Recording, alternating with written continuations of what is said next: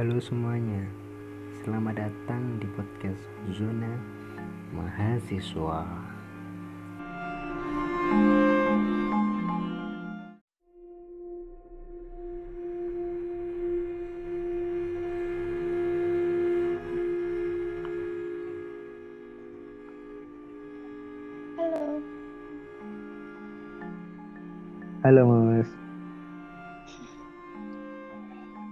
Oke. Di episode kali ini mungkin bahasan kita agak melenceng sedikit dari tema yaitu kehidupan mahasiswa. Yang biasanya kita membahas tentang kehidupan mahasiswa eh, bagaimana menjadi mahasiswa dan sudut pandang mahasiswa. Tapi mungkin kali ini sedikit berbeda. Ya mungkin masih dalam kehidupan mahasiswa cuman ada sedikit embel-embelnya eh, kisah horor mungkin ya Bisa jadi lah. eh, ini tamu kita saya kedatangan tamu dari jauh nih dari Semarang kota Halo.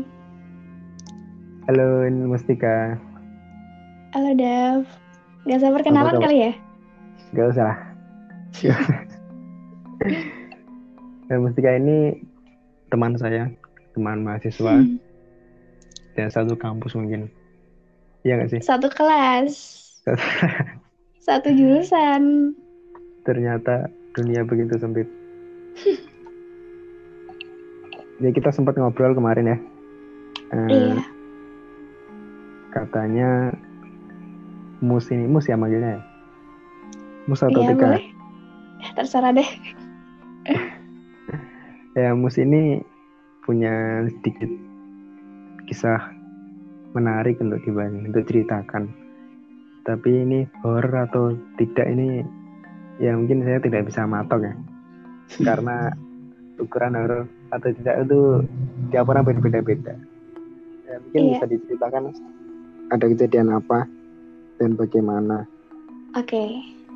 So mulai nih berarti. Iya. Jadi eh, aku masih ingat banget tanggalnya ya. Ini tuh tanggal 3 Mei 2019. Aku masih ingat karena aku tulis di note nih. Nah, nanti. pada saat itu tengah malam jam tengah malam jam 12 lebih 4 aku nggak bisa tidur karena nggak bisa tidur aku milih kamar milih tidur di kamar mama nih jadi di kamar mamaku tuh ada dua ranjang ranjang atas ranjang yang gede sama ranjang yang bawah itu ranjang kecil. Nah aku tidurlah tuh di ranjang bawah yang ranjang atas pada kakakku. Aku tidur. Susah banget rasanya tuh mau tidur. Karena kesusahan aku pakai selimut tuh. Jadi aku selimutin semua dari kaki sampai ke muka gitu loh. Oh, sembunyi ya? iya kayak ya biar bisa gelap gitu ngerasa kayak tertidur gitu lah pokoknya kayak terus ketiduran. Udah tidur. Nggak tahu tepatnya jam berapa ya. Ada kayak seseorang aku nggak tahu sih ya. Something gitu ya bernafas gitu. Deket banget rasanya. Pertama aku positive thinking. Oh ini pasti bapakku nih. Soalnya suka ganggu tuh kalau aku tidur. Udahlah Hmm. biarin kayak gitu kan. Nafasnya tuh kayak deket banget. Udah tuh terus nafasnya pergi kedua kalinya kayak gitu lagi. Deket banget nggak ngomong apa-apa cuman diem doang. Bernafas kayak gitu doang deket banget. Karena aku semakin terganggu gitu kan ya aku buka tuh selimut. Terus aku liatin sekitar tuh nggak ada nggak ada apa pun.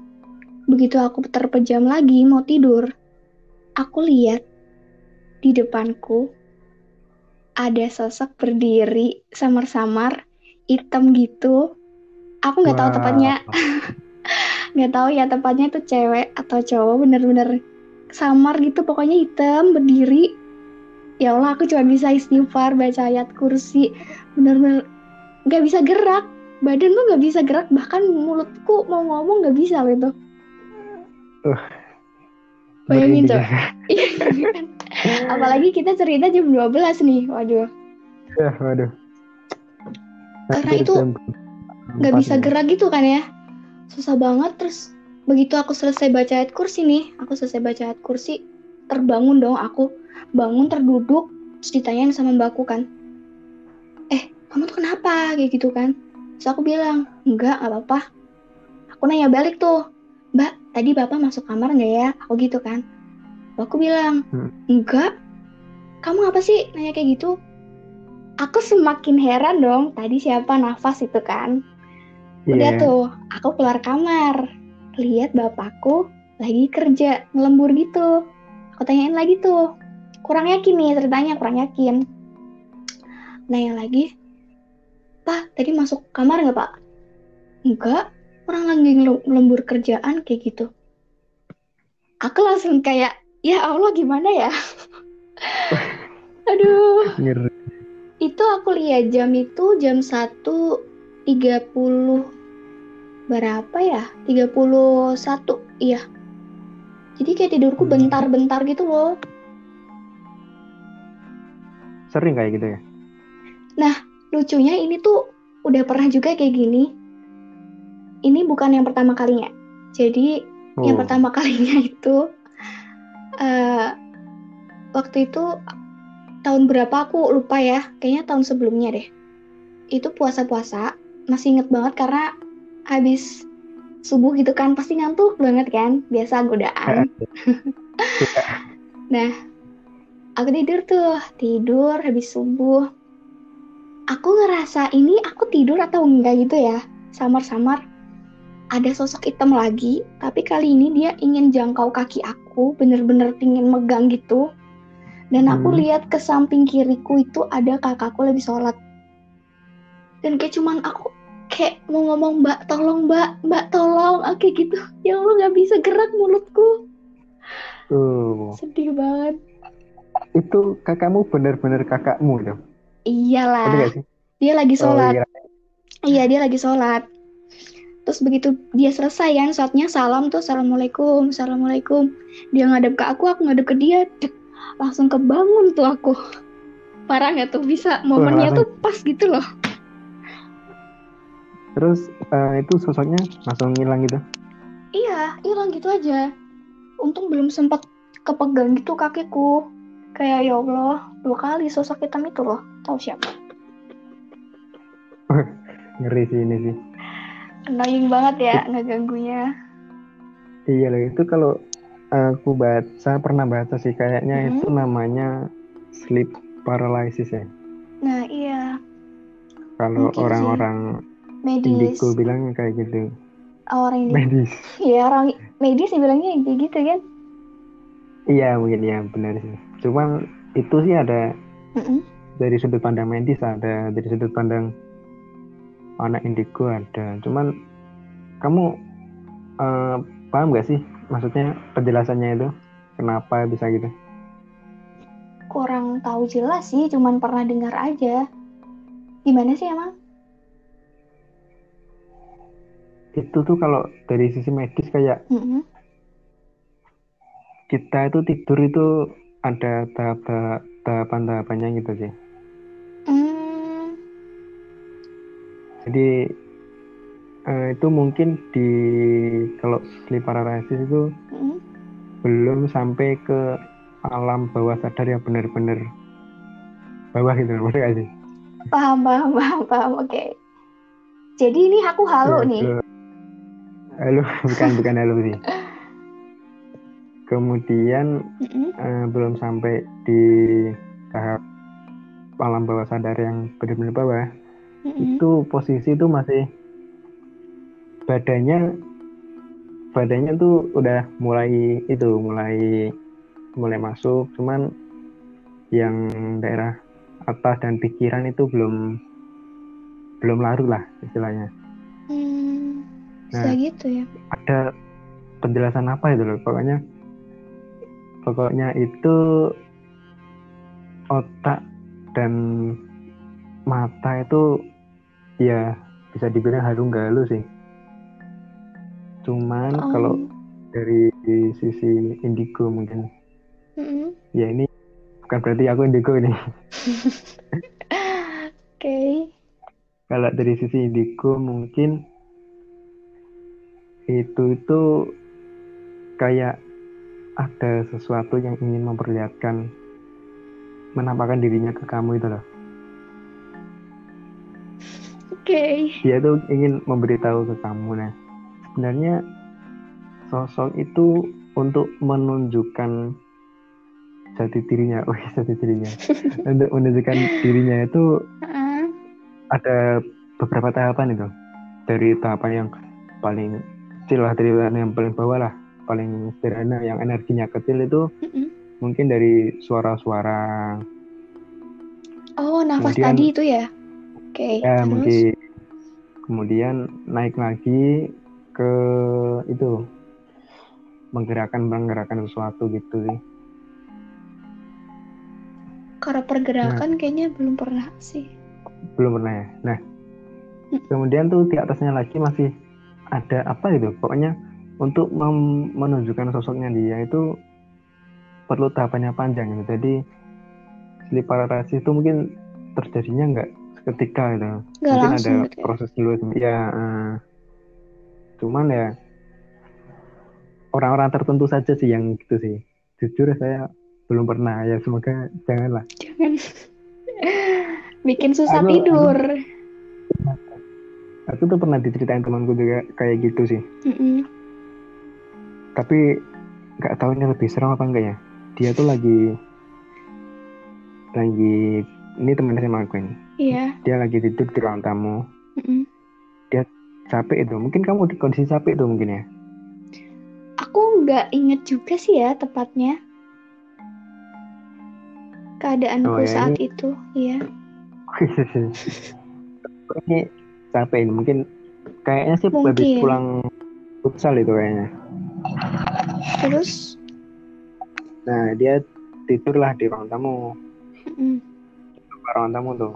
Nah kemudian nggak tahu kenapa dia ya itu tadi kayak terbangun gitu loh.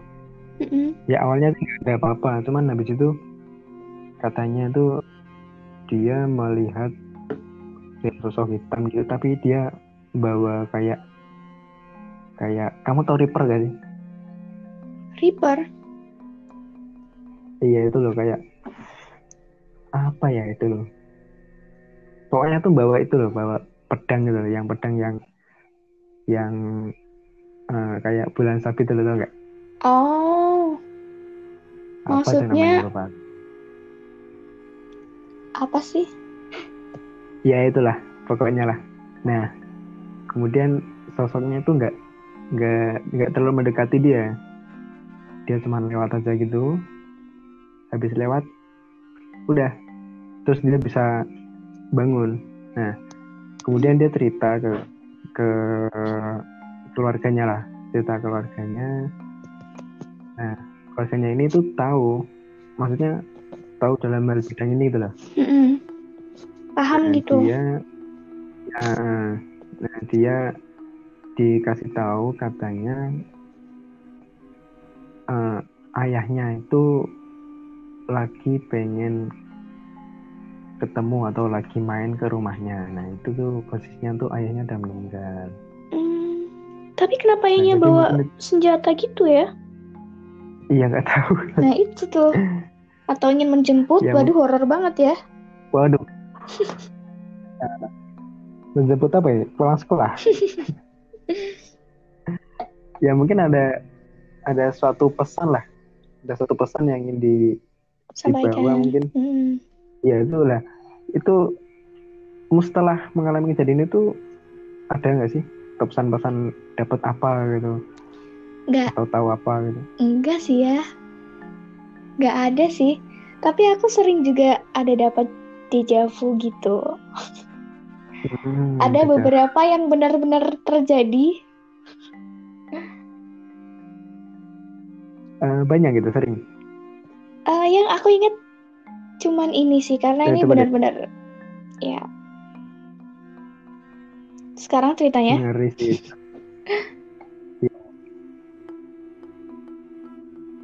Boleh boleh. jadi itu aku mimpi nih tidur. eh saat misal ini hari apa ya? Misal ini hari hari Hari Kamis Kamis. kan nih, hari Kamis. Aku tidur nih, aku tidur. aku mimpi dalam tidur itu besok waktu ujian aku itu telat dan semua orang di rumah itu panik termasuk mamaku tuh di keesokan Hmm. harinya di saat ujian itu berlangsung dan aku benar-benar telat se, se serumah panik mamaku ada di situ juga boom Loh, itu yang aku telat ya that's it. Kamu tahu kan? Terus terus? Ya udah mau gimana? Ya udah telat. Telat dua jam. Iya sih telat dua jam. Itu kamu mimpi ya itu? ya? Hari sebelumnya mimpi keesokan sebelumnya. harinya keesokan harinya itu terwujud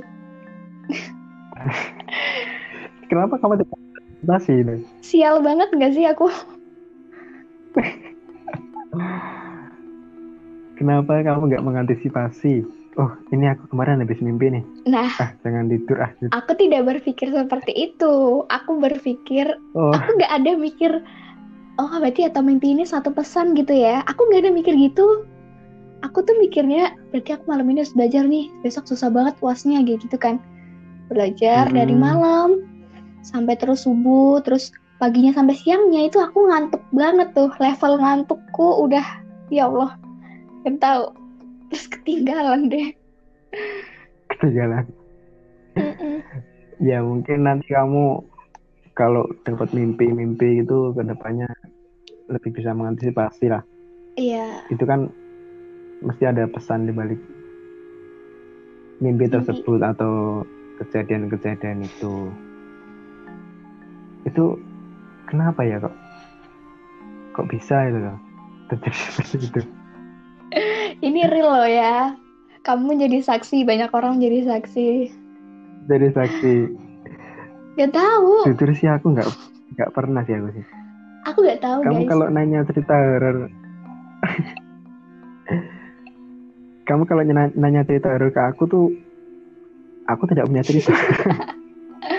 Jadi aku tidak bisa menceritakan sesuatu ini. Ya, berarti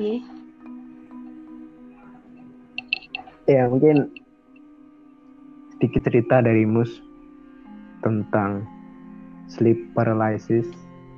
Ya mungkin banyak orang-orang di luar sana mengalami kejadian yang sama. Namun tidak semua dapat eh, terekspos atau terceritakan di platform-platform. Ya jadi tidak semua orang tahu tentang kisah ini sih. Ya ini sih udah sering didengar oleh banyak orang ini cerita kayak gini. Cuman mungkin dengan orang-orang yang berbeda dan dia tidak menceritakannya ya jadi masih ada orang yang tidak tahu nah harapannya nanti dengan adanya podcast ini bisa memberi tahu berbagi cerita, berbagi pengalaman tentang kisah-kisah seperti ini nih menarik sih ini. Merinding. oke Oke, mungkin ini saja. Sampai di sini saja episode kali ini. Stay tune terus dan see you the next podcast. bye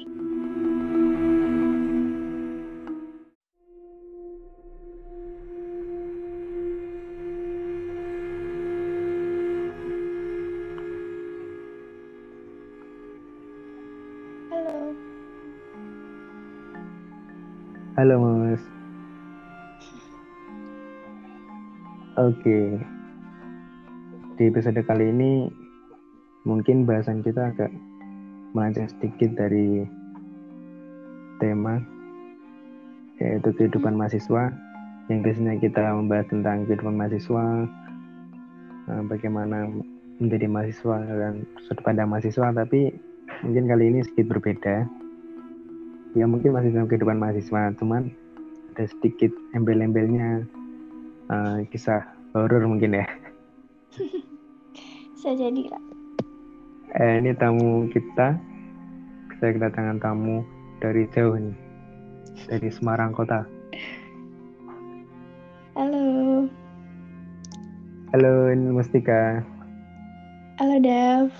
Gak sabar kenalan Apa, kali ya? Gak usah. Dan Mustika ini teman saya, teman mahasiswa. Hmm, dan satu kampus mungkin. Iya gak sih? Satu kelas, satu jurusan. Ternyata dunia begitu sempit. Ya kita sempat ngobrol kemarin ya. Eh, Iya. Katanya mus ini mus ya manggilnya ya? Mus atau Iya Tika? Eh, Terserah deh. Ya mus ini punya sedikit kisah menarik untuk dibahas, untuk ceritakan. Tapi ini horor atau tidak ini ya mungkin saya tidak bisa matok ya. Karena ukuran horor atau tidak itu tiap orang berbeda-beda. Ya, mungkin Iya. bisa diceritakan ada kejadian apa dan bagaimana. Oke. So mulai nih berarti. Iya. Jadi eh, aku masih ingat banget tanggalnya ya. Ini tuh tanggal 3 Mei 2019. Aku masih ingat karena aku tulis di note nih. Nah, Bikin aja. pada saat itu tengah malam jam tengah malam jam 12 lebih 4 aku nggak bisa tidur karena nggak bisa tidur aku milih kamar milih tidur di kamar mama nih jadi di kamar mamaku tuh ada dua ranjang ranjang atas ranjang yang gede sama ranjang yang bawah itu ranjang kecil. Nah aku tidurlah tuh di ranjang bawah yang ranjang atas tuh ada kakakku. Aku tidur. Susah banget rasanya tuh mau tidur. Karena kesusahan aku pakai selimut tuh. Jadi aku selimutin semua dari kaki sampai ke muka gitu loh. Oh, sembunyi ya? iya kayak ya biar bisa gelap gitu ngerasa kayak tertidur gitu lah pokoknya. Kayak terus ketiduran. Udah tidur nggak tahu tepatnya jam berapa ya ada kayak seseorang aku nggak tahu sih ya something gitu ya bernafas gitu deket banget rasanya. Pertama aku positive thinking. Oh ini pasti bapakku nih soalnya suka ganggu tuh kalau aku tidur. Udahlah Hmm. biarin kayak gitu kan. Nafasnya tuh kayak deket banget. Udah tuh terus nafasnya pergi kedua kalinya kayak gitu lagi deket banget nggak ngomong apa-apa cuman diem doang. Bernafas kayak gitu doang deket banget. Karena aku semakin terganggu gitu kan ya aku buka tuh selimut. Terus aku liatin sekitar tuh nggak ada nggak ada apa pun.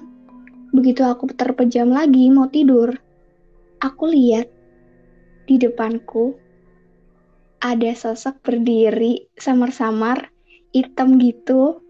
Aku nggak tahu Wow. tepatnya nggak tahu ya tepatnya itu cewek atau cowok bener-bener samar gitu pokoknya hitam berdiri. Ya Allah aku cuma bisa istighfar baca ayat kursi. Bener-bener nggak bisa gerak. Badan tuh nggak bisa gerak bahkan mulutku mau ngomong nggak bisa loh itu. Bayangin, kan? apalagi kita cerita jam 12 nih waduh. Ya, waduh. Karena itu nggak bisa ya. gerak gitu kan ya susah banget terus begitu aku selesai baca ayat kursi nih aku selesai baca ayat kursi terbangun dong aku. Bangun terduduk terus ditanyain sama mbakku kan eh kamu tuh kenapa? Kayak gitu kan. Terus aku bilang enggak nggak apa-apa. Aku nanya balik tuh mbak tadi bapak masuk kamar nggak ya? Aku gitu kan. Aku bilang Hmm. enggak. Kamu apa sih? Nanya kayak gitu. Aku semakin heran dong tadi siapa nafas itu kan Udah Iya. tuh, aku keluar kamar. Lihat bapakku lagi kerja, ngelembur gitu. Aku tanyain lagi tuh. Kurang yakin nih ceritanya, kurang yakin. Nanya lagi, Pak, tadi masuk kamar nggak Pak? Enggak, orang lagi ngelembur kerjaan kayak gitu. Aku langsung kayak, ya Allah gimana ya? Aduh, Ngeri. itu aku lihat jam itu jam 1.30 berapa ya? 31 iya. Jadi kayak tidurku Hmm. bentar-bentar gitu loh. Sering kayak gitu ya? Lucunya ini tuh udah pernah juga kayak gini. Ini bukan yang pertama kalinya. Jadi yang Oh. pertama kalinya itu eh waktu itu tahun berapa aku lupa ya kayaknya tahun sebelumnya deh itu puasa-puasa masih inget banget karena habis subuh gitu kan pasti ngantuk banget kan? Biasa godaan. Nah aku tidur tuh. Tidur habis subuh. Aku ngerasa ini aku tidur atau enggak gitu ya? Samar-samar. Ada sosok hitam lagi tapi kali ini dia ingin jangkau kaki aku bener-bener ingin megang gitu. Dan aku hmm. lihat ke samping kiriku itu ada kakakku lagi sholat.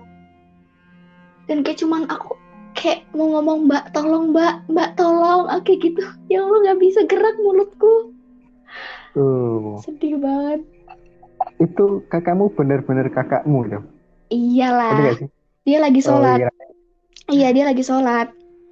Terus begitu dia selesai kan sholatnya salam tuh assalamualaikum assalamualaikum. Dia ngadep ke aku aku ngadep ke dia dek, langsung kebangun tuh aku. Parah nggak tuh bisa momennya tuh pas gitu loh Terus uh, itu sosoknya langsung hilang gitu? Iya, hilang gitu aja. Untung belum sempat kepegang gitu kakiku. Kayak ya Allah, dua kali sosok hitam itu loh. Tahu siapa? Ngeri sih ini sih. Annoying banget ya ngeganggunya. Iya loh, itu kalau aku baca, pernah baca sih kayaknya hmm. itu namanya sleep paralysis ya. Nah iya. Kalau orang-orang medis. Indigo bilang kayak gitu. Oh, orang medis. Ya orang medis sih bilangnya kayak gitu kan? Iya mungkin ya benar sih. Cuman itu sih ada mm -mm. dari sudut pandang medis ada dari sudut pandang anak indigo ada. Cuman kamu uh, paham gak sih? Maksudnya penjelasannya itu kenapa bisa gitu? Kurang tahu jelas sih cuman pernah dengar aja. Gimana sih emang itu tuh kalau dari sisi medis kayak mm-hmm. kita itu tidur itu ada tahap tahapan tahapannya gitu sih. Mm. Jadi uh, itu mungkin di kalau sleep paralysis itu mm. belum sampai ke alam bawah sadar yang benar-benar bawah gitu, maksudnya gak sih? Paham, paham, paham, paham. Oke. Okay. Jadi ini aku halu ya, nih. Halo bukan bukan halo sih kemudian mm-hmm. uh, belum sampai di tahap alam bawah sadar yang benar-benar bawah mm-hmm. itu posisi itu masih badannya badannya tuh udah mulai itu mulai mulai masuk cuman yang daerah atas dan pikiran itu belum belum larut lah istilahnya bisa nah, gitu ya ada penjelasan apa itu loh pokoknya pokoknya itu otak dan mata itu ya bisa dibilang halu galu sih cuman oh. kalau dari sisi indigo mungkin mm-hmm. ya ini bukan berarti aku indigo ini oke okay. kalau dari sisi indigo mungkin itu itu kayak ada sesuatu yang ingin memperlihatkan menampakkan dirinya ke kamu itu loh. Oke. Okay. Dia tuh ingin memberitahu ke kamu nah. Sebenarnya sosok itu untuk menunjukkan jati dirinya, oh jati dirinya, untuk menunjukkan dirinya itu uh. ada beberapa tahapan itu. Dari tahapan yang paling kecil lah dari yang paling bawah lah. Paling sederhana yang energinya kecil itu mm-hmm. mungkin dari suara-suara. Oh nafas kemudian, tadi itu ya? Oke okay, ya terus? mungkin. Kemudian naik lagi ke itu menggerakkan menggerakkan sesuatu gitu sih. Kalau pergerakan nah, kayaknya belum pernah sih. Belum pernah ya? Nah kemudian tuh di atasnya lagi masih ada apa itu pokoknya untuk menunjukkan sosoknya dia itu perlu tahapannya panjang gitu. Jadi sleep paralysis itu mungkin terjadinya nggak seketika gitu. Gak mungkin ada gitu ya? proses dulu ya. Uh, cuman ya orang-orang tertentu saja sih yang gitu sih. Jujur saya belum pernah ya semoga janganlah Jangan bikin susah Aku- tidur. aku tuh pernah diceritain temanku juga kayak gitu sih Mm-mm. tapi nggak tahu ini lebih serem apa enggak ya dia tuh lagi lagi ini teman SMA aku ini Iya. dia lagi tidur di ruang tamu Mm-mm.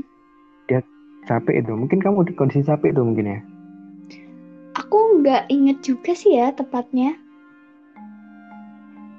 keadaanku Oh, ya, saat itu. Iya. ini capek. Ini mungkin kayaknya sih habis Mungkin. pulang futsal itu kayaknya. Terus, nah dia tidurlah di ruang tamu. Mm, di ruang tamu tuh. Nah kemudian nggak tahu kenapa dia ya itu tadi kayak terbangun gitu loh.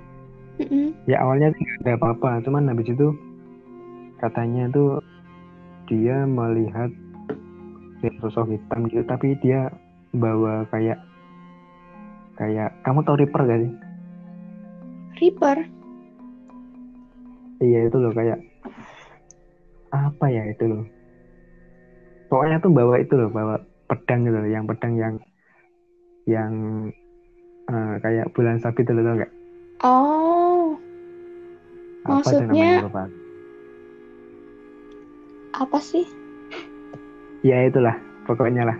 Nah kemudian sosoknya itu nggak nggak nggak terlalu mendekati dia. Dia cuma lewat aja gitu. Habis lewat udah. Terus dia bisa bangun. Nah kemudian dia cerita ke ke keluarganya lah. Cerita ke keluarganya.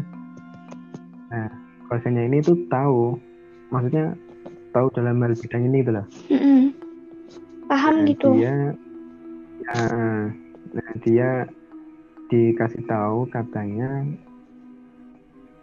eh, ayahnya itu lagi pengen ketemu atau lagi main ke rumahnya. Nah itu tuh posisinya tuh ayahnya udah meninggal.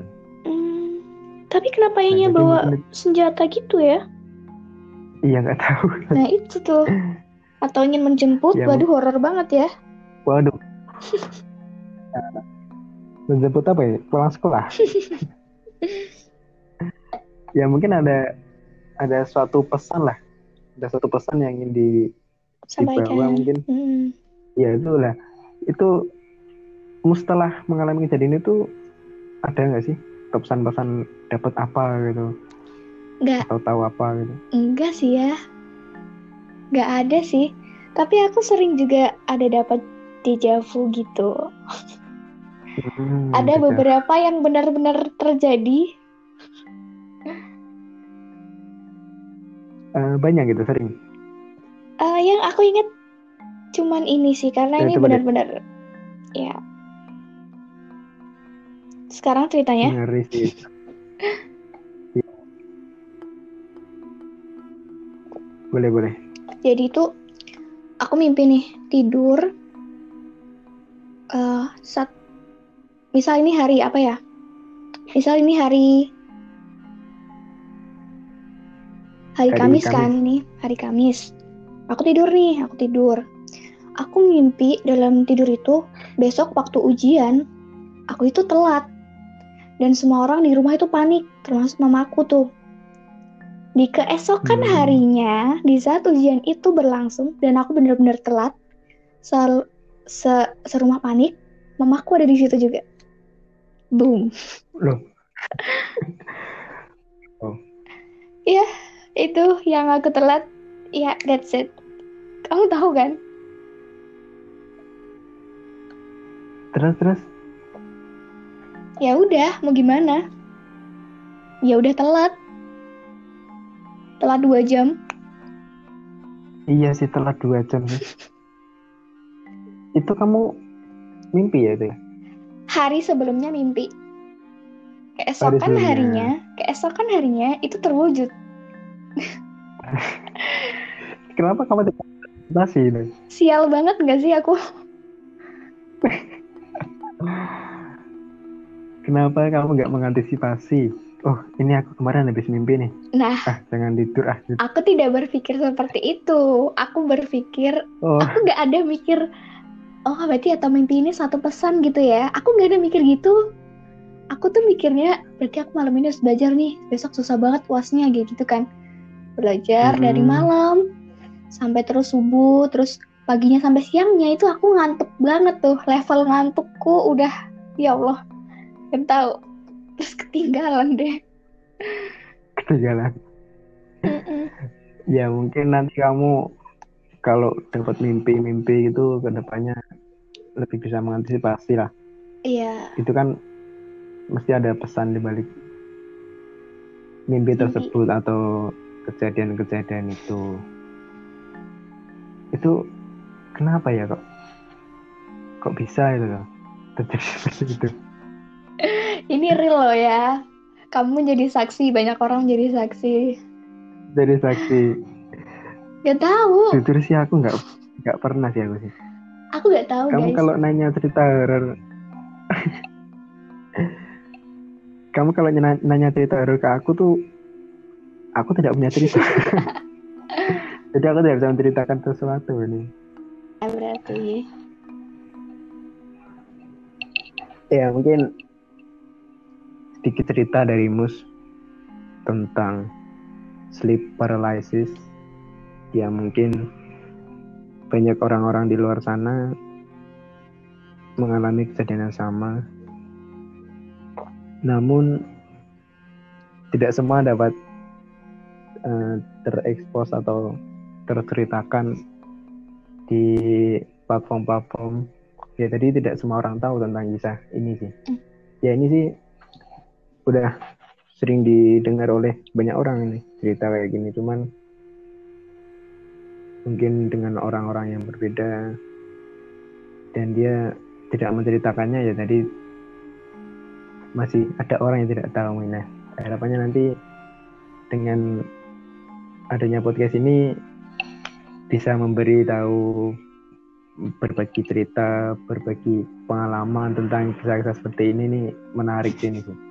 Merinding. Oke. Oke, mungkin ini saja. Sampai di sini saja episode kali ini. Stay tune terus dan see you the next podcast. Bye.